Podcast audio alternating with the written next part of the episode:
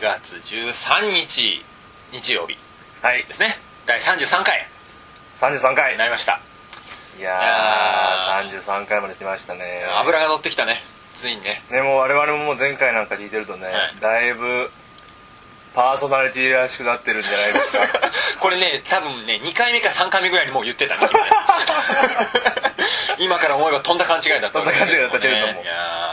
ーまあだいぶ喋れるようになったんじゃないかっていうのはありましたよいやもうねこの我々のなんていうのかなこの自我自賛力っていうのはね すごいものがあるからね自我自賛だけで城が立つんじゃないかと思いますよいやもう自画自賛も高自賛高ってわかんないけどそれね結局自分で褒 めてる人の絵を自分で褒めてるからこれただの褒めてるだけになっちゃうこれねこの絵いいねって言ってるだけだから自画多賛だね自我多産だよこれ自画多賛の流れが来てんじゃねえかと思わせるような大事件大事件来てますよこの来てますよ今週は今回は起きてます事起き件てまがすね大事件こがれ後のお楽しみということで後ねのお楽しみですがふりをしといて、 えーリスナーの興味をつないでおこうっていうねそうですねえーと姑息な手段ですけれどもいや33回かかりましたねそういう意味ではそういう意味ではね、33回かかったかっていう出来事がね、はいえー今日起きてますからねあのいやーガルボチップ寒 いなそうだね、えー、こガルブチップもないなこれどこだこれどこの会社が出してんだ明治いやー偉いな明治製菓は なまあ明治さんからあのサポートのご依頼ないと思まあうないと思 うそうか褒めてもしょうがないかじゃあないいよ明治なんて ねさあというわけでねなんでえーとこれねこのこの番組終盤今日聞いていただくとおわついにここまで来たかという出来事が起こるんでねでも一回から聞いてる人にとってみたらねねもう万感の思いですよこれはでしょううね、ん 我々だけかもしれないけれどもねいやそう思いますよやっぱり応援してくださってる皆さん、ねえ本当ですよという出来事が起きますんでじゃあ最後まで楽しみに聞いてくださいというわけでじゃあもうあなんかこんな簡単にさらっと割とオープニング終わっちゃうけどいい のかなじゃあなんか小話でもするここでまたグズグズになるんだよいつもねこれまでのあれを見る とあのーあるのインフルエンザが流行ってますよね、ほらほらもう危ない雲雲行きになってきてるよこ れそろそろ本当今週あたり危ねえと思ってんだ俺ああ毎年かかるからね絶対にだって本当社長が言うもんね俺にあー大丈夫かインフルエンザっつ って俺限定で、ねあー君君だよ特にみたいなねえ大丈夫かいっつってこの間の風邪はあれ大丈夫だったのかいインフルエンザじゃなかったのかいっつって、はいあれはインフルエンザじゃなかったですあそうっつってね何その日常のやりとり 何そのイラタオリザみたいな静かな演劇みたいなトイレでや二めて人っきりになった時に言われたああなるほどね個室でこれ違うじゃない 個室で二人っきりになったんじゃない どういう状況だ そういう会社なのかなと思ってそういう会社じゃ社ない長と必ず一回は個室でマンツーマンになる会社なのかなと思 ってトイレ臭いだろあのやっぱりね角 川角川春樹みはたいなねなんかそういうあの人そんなことしないんだ裏にどしうて いるうどういうあれなのジャニージャニー北川さんみたいジャニー喜多な川さんみたいにねなんかそういう感じなのかなとそんな社長じゃないカリスマ社長は大体そうだから社長じゃないですカリスマ社長は大体個室でマンツーマンしてるからねマンツーマンディフェンスをしてるからさだからこのこれほらこうやって行き詰まるわけだよすぐに、あそううん、だから早くオープニング行った方が良かったのかなと思った君よがダラダラとなんか言うからだろあったよ行きますよじゃあね行きたいと思います今週も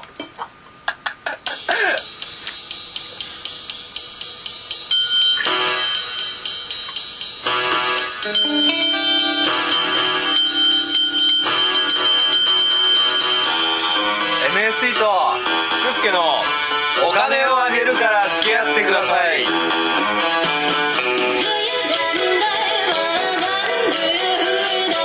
はいはいはいどうしたどうしたやばいトイレ行きたよねえ久しぶりにー、 うわなんこれもあれよあのなんで授業始まる前に言っとかなかったのいや行った行ったんだよ先生に言われて言ったんだよですから言ってたよね言ったんだよなんでなんでそのひ何ちょあかんないこのファンタのサイダーファンタゼロサイダーが割とそのひ利尿作用あんのかもっと頻尿老人じゃないんだからさ気をつけてくださいよ僕本当あれですよあの試験とかの時にさ、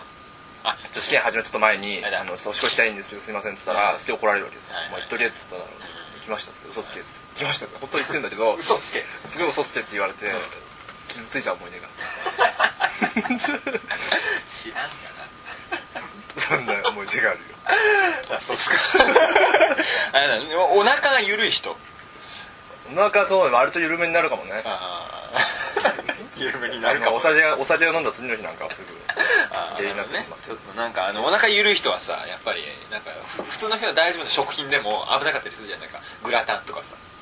グラタングラタンとかクロワッサンとかでもちょっと緩くなったりするじゃないそうしていいの僕はそうじゃないあークロワッサンとかなんかちょっとさなんて発酵バターみたいな使ってるからあー牛乳飲むとおそうそ腹痛うくなるそうそうなんかそみたいういう人はいますよね さあなは大丈夫なんですななんとなくこうすごいつなぎで喋ったみたいな感じがしてるけど大丈夫かいトイレ行かなくて大丈夫かいトイレ行っても大丈夫なのかこらえられるかいいやじゃあもうちょっと30分頑張る頑張ってみようか何の頑 あの君にトイレ行かれちゃうと次君のコーナーだから いいかいじゃあいいよいいよはいはいはいじゃあそれでは、えー、とコールをお願いし ますえー MST が彼女を作る15の方法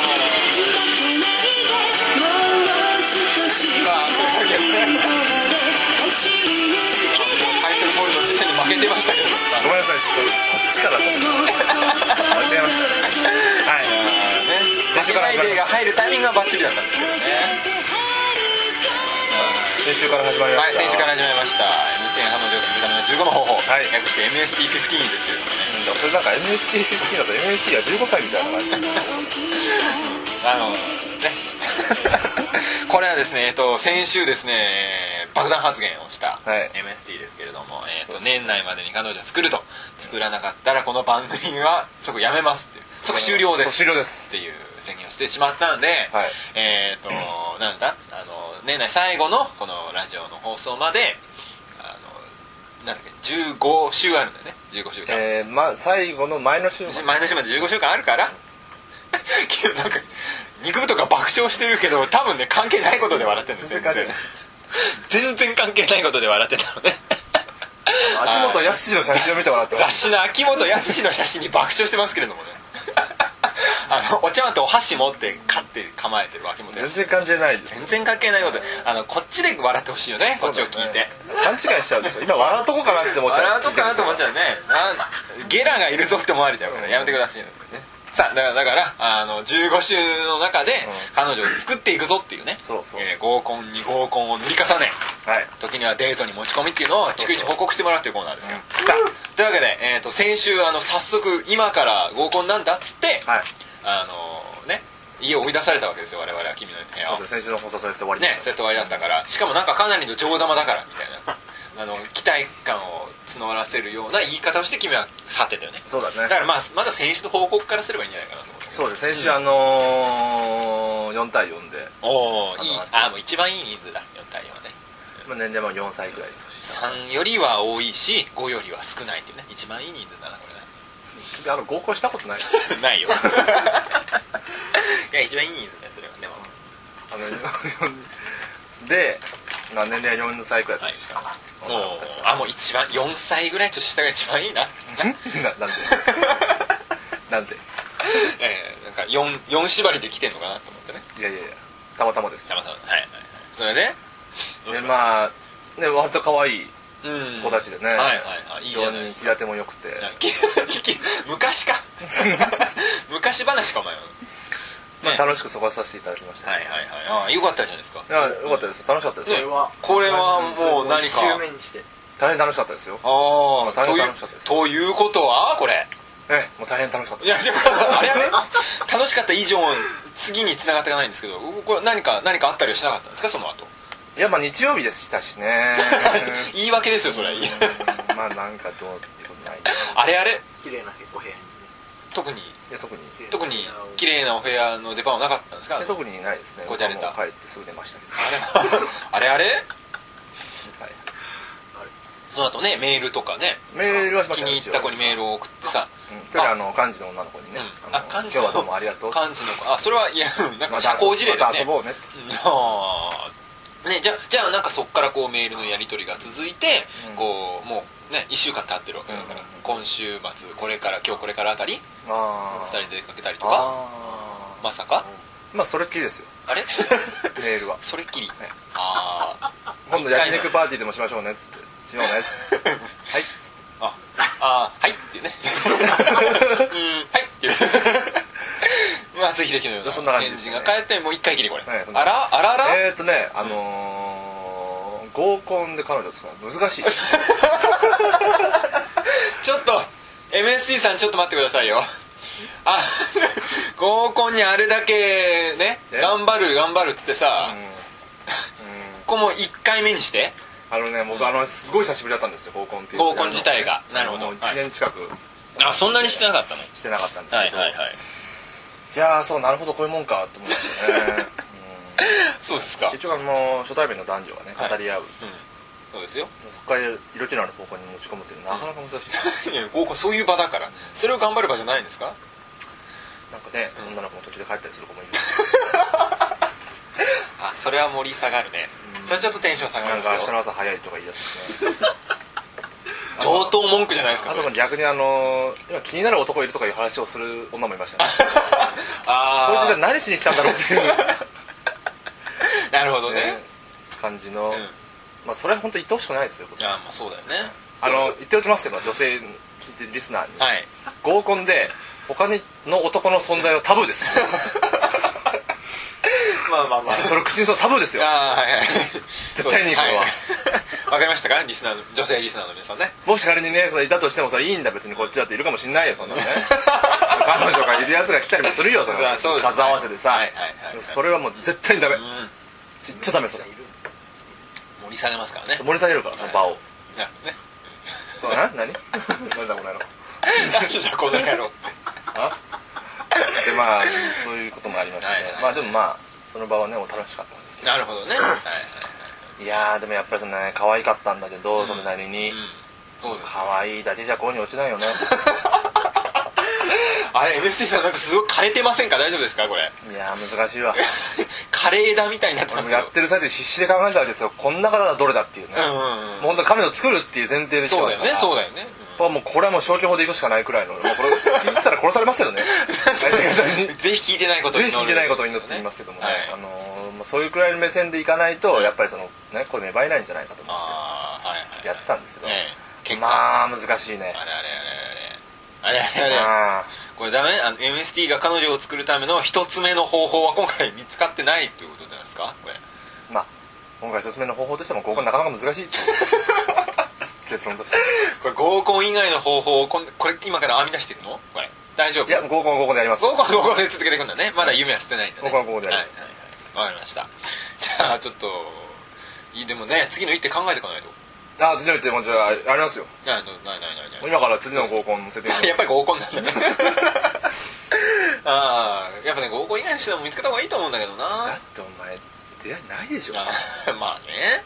そうですどこに出会いまがあそうですよね猫カフェにももないよ わかんないよ猫カフェに行けばあるのか猫でも俺は猫アレルギーだあーじゃあダメだボリボリ書いてる中で なあらあの人素敵ってなるかなななんだよだろ目の前の海遊祭に集中しちゃうよねそうだよそっかそっかじゃあまあ分かったよ君合コンで頑張ることは止めないよね合コン繰り返すことは止めないから、いいよじゃあなんかいや続けなさいよそれは続けるうん来週も合コンやるじゃお 来週もん来週か合宿だけど来来週そうだよ来週あの ONC メンバーで行くからね白馬にあのダメだよ途中で抜けて合宿あの合コン行ったらいやもう合コン行くからあじゃあちょっとほらどうすんのいやあんたがもう今けもうもう合コン今 携帯をパチって今開いたけれども合コン今ちょっと待っ今て今セッティンちグょすっと待るってラジオの収録中だよ今今セッティングするなこんな十分だちょっと待ってちょっと待ってえーセッティングをしないでくださいラジオの収録中に、えーっとねおい何をどれにしようかなどれにしようかなってことあのお男仲間ってこといや女の子あですねあー女の子にちょっと集めてよ女の子メールを今送るわけこれも 収録中に君は何をやってるんだ君は何何彼女し作んなきゃ嫌だよだってあと15週てでるあそうですよこれもう1分1分無駄にできないんだよこの内容収録してであろうと もいやいやいやおいちょっと終わってからにしろそんなのはいあダメだこれ早く打ってもうほもらうじゃもうこれはもう今送るからおおそうかそうか、えーじゃあ今日は何関係の人に送るんだねこの人はですね、あのー、なんで取り次ぎの方ですねえ 取り次ぎ取り次ぎとりあえず そんな人にあの送るんですか取り次ぎのあの、大手某大手取り次ぎ えそのなんか仕事の取引先とそういうのあるんだやるか呼びかいけやるまあ知り合ったら別ですけどあー別なんだねまあ、結果的にはいはい某大手取り次ぎの方、はいはいはいはい えー、どうしようあそうなんだかななんていうかな ちょっとこれなかなかね君がメールしてる間の時間を持たせることはね難しいよ俺次のコーナーに行ってしまいたいぐらいだよこれ任せなさいよえなんで俺メインメインにブードですよ今日のうんそうなこのの俺が携帯をいじって、あの合コンの誘いをするっていうのがメインイベントだろ今日のあああんまりそうとも考えてなかったんですけどねもっともっとメインイベント控えてますからこの後にもうねだいもう15分経ってるからねこれねあそううんこれねちょっとそろそろね次に行かないとねまずいんじゃないかなって気がするこれ来週っすかえまあだから打っててくださいよだからじゃあ打ってますってねじゃあそれも言ってじゃあく打ださち打ちながらじゃあこのなんていうの今回の番組中にちょっとメールどこんなん打ったよって送ってくださいよはいいいいですよ次のコーナー行きますからコーナー自体はねはいさあそれでは行きたいと思います次のコーナーですけれどちょっとこの文も化っぽいななちょっと寝るな寝るなそんな収録中にい収録中に寝るの難しいんでこれね さあそれでは行きます次のコーナーはあきどうするの君が言うのかこういうタイトルコールああそれやるよねじゃそあれちょっとこのメールを打ちながらやる態度はこんなんじゃないよ そうそうだね全く違うけどじゃあ言ってくれうんはい恋愛しようし社会に物申す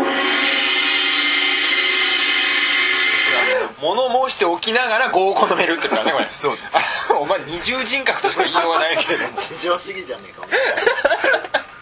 至上主義に完全に乗っかってますけどベルトコンベヤーに完全に乗っかってますけどねこれこんなスストレートでいいのかな、ああもう全全然上の空ですけどもちょさっとてね、えーこのコーナーはおい寝るなそんな合コンのおちょ誘っとあいのメールを大丈夫かなと思って えーこのコーナーはですね先週まではですね恋愛至上主義社会を批判していた MST 今や完全に合コンどうやって誘うかっていうのをね考えてますけれどもこんなこん なんでいいんかこ非常主んな義一に行でいいのかこれ完全に乗っかってますがもうねこんなもうこんな一行でいいのちょっとコーナーを進めさせてくれよお前は どうどういうメールをこん送っなもたはんだっていうか肉布団第第6しますいはいちゃん合コンしない名前なんでなんで名前言っちゃう名の前言っちゃうんだお前ちゃんって読むのかなとちょっとどう大丈夫かこれまあ後でね まあ聞いてないと思いますよあとでまああの、Windows ムービーメーカーが中で音を消しとけばね加工すればいいんじゃないですか別にいいでしょこんなのピーヨンを 入れてくどだうさせい合コン仲間でし こんなもんこんなもんだろくなやつじゃないこでんすなもんだよょ知らないよえこの子すごいいい子ですよあ女の子だ女の子なあそうなんでななんでなんでちょっと今ひちょっと引いたんすですかちょっと悪いこ とした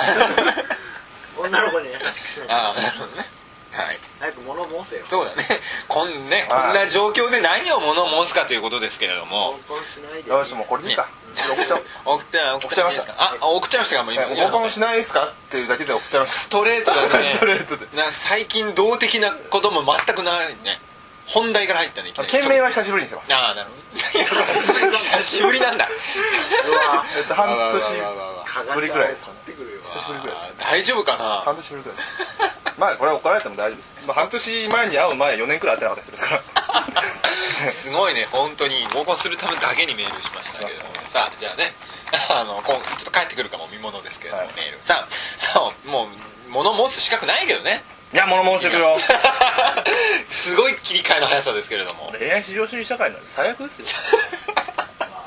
なんかね本当このあの彼女を作るための15の方法のコーナーからここのコーナーに移り変わる時のこのなんかあんまりむ居心地の悪さねちょっと抜くこと暑いちょっと窓開けてね収まりの悪さ入ったのちょっと暑い 収まりが悪いんだよなんかあスムーズにコーナーに移行できないんだよねこれ同じ人がやってるとは思えないっていうね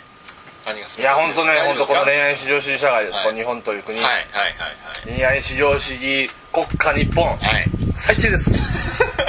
あのねあんまり説得力感じないんですけども見ましたかニュースななんですかこの間もね、あの出会い系サイトですか、あのはい恋愛主義し至上主義社会の象徴みたいなシステムですよおーまあそうですよねあれによってね、お父さん娘のね、交際相手殺しちゃいましたよあったねありましたねなんかあれでしょ1678の娘がその出会い系サイトで知り合った38ぐらいのそうそうそう付き合ってておお父さん怒って殺しちゃったんだよねなんかお父さんに多分確か42歳ぐらいだったよなんかねおじいちゃんがすごいなんか別れろって説得に行ってたらしいんですそようなんか特ダネで見たんですけど あのニュース操作特ダネですそっからなんかなぜか突然親父が出てきて殺しちゃったっていうなるほどそうなんだでおじいちゃんはすごい悲しんでるらしいですよ普通か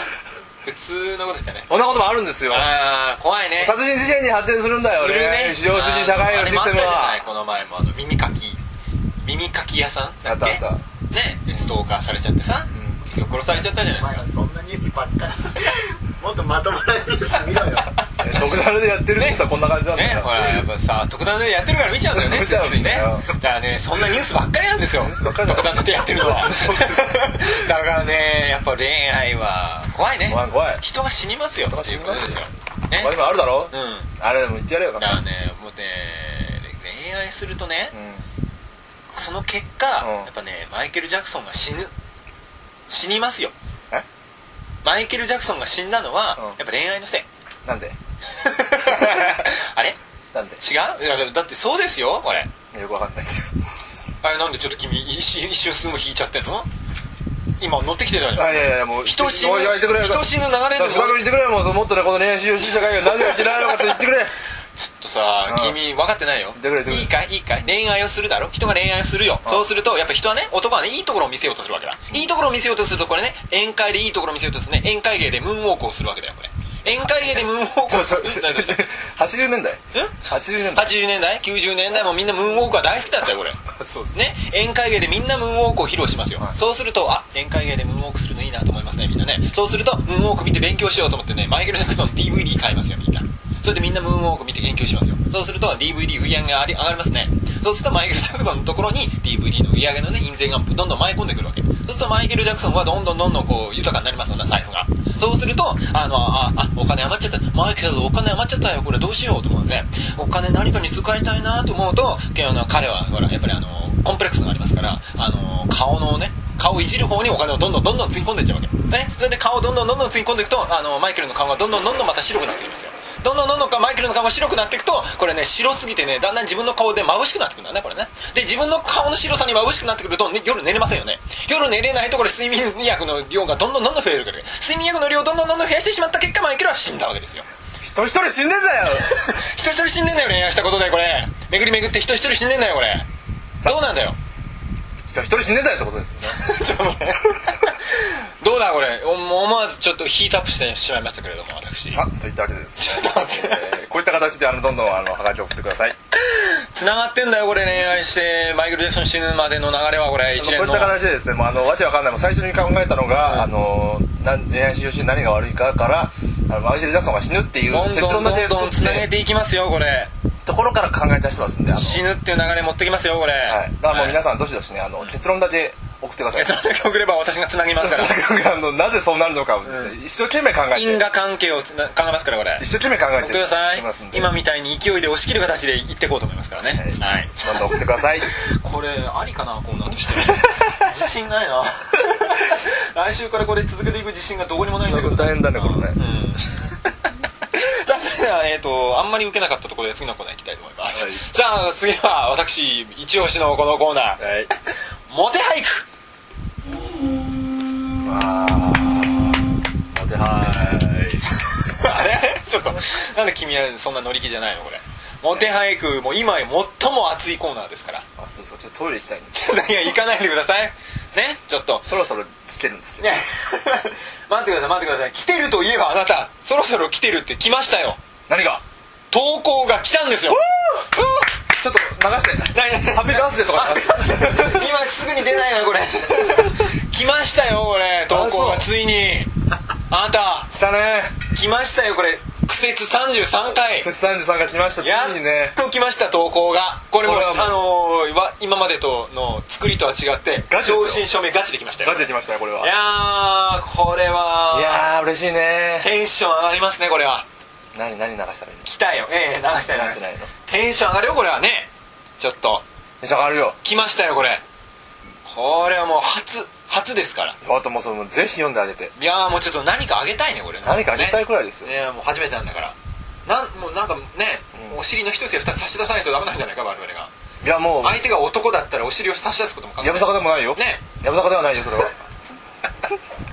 と思いますけどもたさだ一応ねな内容を吟味してあそうだね何を何をあげるかっていうのをねそうそこで判断したいはい、わかりました。ちょっとじゃあ、早速ね、読んでみたい。これさ、でも一つね、ごめんね、ちょっとうんこんなめでたい時に言うのもなんだけど、ん一つ気になるのは、うんこれなんか、なんだろうね、し知ってるやつなんじゃないのっまさかていう。まさかそんなこれね、俺は、これ割と当たってるんじゃないかと思って、ね、全然わかんないけど、これ誰か。うんうんちょっと当たりをつけて言うんだけど、これね、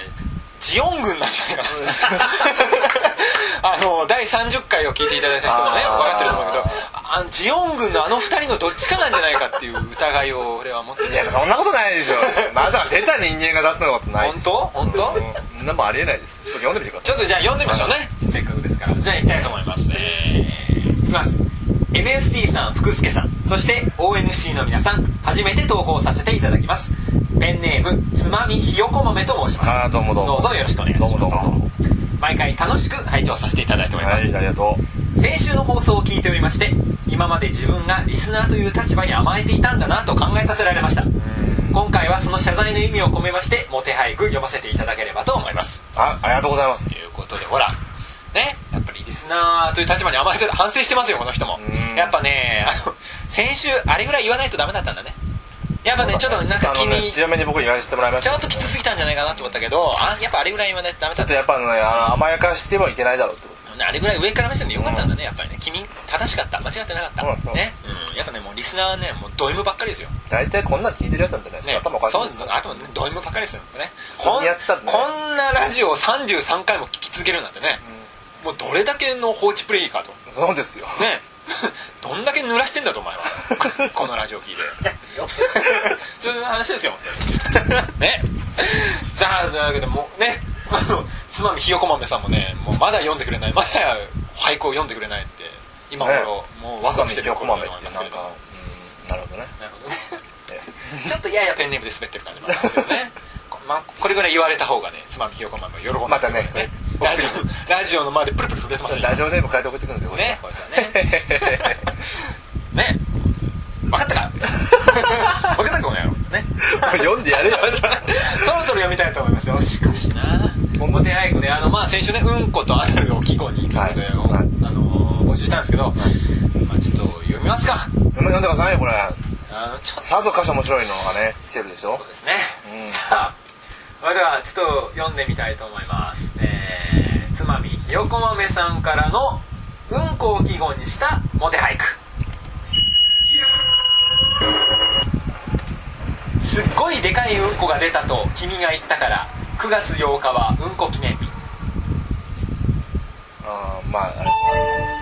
すねサラダ記念日からパクったってことですかまあねあのあのそもそもさ俳句っつってんのに短歌だからねこれねそうだねえー もう字余りに程がある俺どうどうどういうリズムで読もうかリズムがないすごいま迷ったわ今すごい前衛的だったねねなんかねアバンギャルドだったねなんか読んだ俺が滑ったみたいな感じになるのもちょっとねいやまだまだまだあるでしょだってこんな1個で終わらさないでしょあのね実はねもう一個はもう一個来てますよつまみ全然読んであげて読んであげてあの今度はねアナルで読んで待ってますよこれもう一個いってみましょう、えー、つまみきよこもめさんからのアナルを記号にしたモテ俳句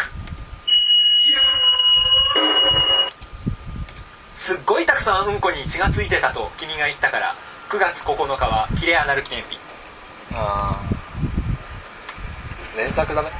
連作だねこれ連作だねこもう字余りとかもうそれ次元じゃないねこれれ文章だ文章なんか何言ったかよく分かった覚え覚え出せないなん聞こえなかったよあんまちょっとね俺もう読んでてあんまり分かんなかったよく分かんないまあいいかあのまだまだあんじゃないさっきのが歌で9月さっきの歌が9月8日で次が9月9日っていう翌日なんだね一応ねこれああなるほ翌日にしたんだねそういう小細工はしたんだねどあなるほど9月8日に考えたんだねこの本多分そうだろうね平日に何も考えてないん だねこの人はね辻より心の中にもうちょっともう一個もう一個考えてたんだ一個じゃ心細いと思って一個かもう一個なるかほどねまあじゃあつみ横豆さんにはねあのせっかく送ってきてもらったんであのじゃあ ONC オリジナルのうんえー壁紙と待ち受け画面をプレゼントしておりますねあいいじゃないですかうんあのー近日中にダウンロード画面がねうんあダウンロードページができるんで、うんうんまあ勝手にダウンロードしてくださいと。あの本当に本人以外はダウンロードしちゃダメですダよメですよあれねあ全然誰誰ででももダダウウンロンローードドででききるるようにはなってるんなだっけてどるけどももうこれはああこのれプレゼントですプレゼントですからねあのつまりひよこまさん絶対ダメよこれは勝手にダウンロードしていただければいいなと思いますけど、じゃあねまああのこんな感じになっちゃいましたけ どこんな感じになっちゃいましたけどねまあつまみひよこまさんにはこれに懲りずにね、まあリベンジしてもらってもいいんじゃないかなそうそうだねなんかまあほらしすごいしめやかな空気になっちゃったけどですねいやいやでもよよかったよよかったよねよかったようん、よかったありがとうなありがとうな つまみひよこまるさんありがとうな多分多いんじゃねえかなあれ誰だあれ今名前を言ったけいどやいやいや大丈わ夫かんないうんだけどでも違ううんしねあのありがありがとうないいいいんだよあのーいいよまだ送ってくれてもいや全然送ってくだ全さい然よ送ってくれていいんだよ、うん我々はこんなふうに温か温かく歓迎しますからねええいや本当嬉しかかったんだからさそうですよ本当に嬉しいよ来週もぜひねこのあのーリベンジリベンジはしてほしいよね、ううんまあ願わくばもう少しレベルが上がることになってますけれど もまあこうやってまたハードル上げちゃうから来なくなっちゃうのかもしれないねいいんですどんなカスみたいな投稿でも結構ですからどんなどんなどんなどんなどんなどんな ねどんな投稿でも来たらまだ読みますからねこれ全然読みますよねこれがね増えてきたらまた吟味精査してね読めない人も出てくるかもしれませんけども、うん今はまだ全員読みますから全員読みますはいあの今がチャンスですよ皆さんというわけでどんどん送ってくださいどんどん送ってください待ってま す待ってますよさあでもまあ来たね来ましたよこれどんな投稿でもいつはいつですから こんなひどい扱いでいいのかないやもっと盛り上げてあげればよかっそうだね たただまあもっと面白いのもよかったんだけど俺の読み方がねそうだよねなんかさそのつまんないみたいな感じで読むからさそうだねよくなかったごめんあ俺ももうちょっと笑ってあげるそうだね、ちょっとやっぱ初めての投稿だとさなんかドキドキしちゃってどうすればいいのかわからなかったんだよねちょっと俺らまだ慣れてないごめん僕たちもまだ慣れそうてだないね初めてのそのどう迎えてあげればいいのかもちょっと分かってないはいじゃあちょっと次回からもう少しね、もう少しいじってあげようねこれねそうですねはいみたいからわかりました次回来てるといいね投稿が ねあとメールが返ってこないメールがやっぱりねちょっと存在すぎなんじゃないからメールが一行っていうのは消しとくしたからねうん久しぶりっつって起こしないでいきなりね一行だけってのはちょっとこれ気分を害したんじゃないか大事だねこれ一人友達ができましたいねやーこんなラジオのため にね友達も減ってくっていうね まあそんなわけでじゃあ、来週には返事が来てる返事が来てることですねさあそれではじゃあこんな感じでまあもうね板につきましたよトークで持たせる感じそうですね全然楽です よ全然問題ないオーバーしてるこれもうオーバーしてるぐらいさあそれではな何ですか何ですか何いや僕もちょっと白馬でしたあわかりましたじゃあ終わりにしましょうねじゃあえーあ来週白馬いたしますああそうだそうだ白馬行ってきますからいたしますんであのー来週は日本撮りの2本目ですこの後すぐ撮りますじゃあもうあの待っててくださいはい はいそれでは来週もまたモテますように Thank you.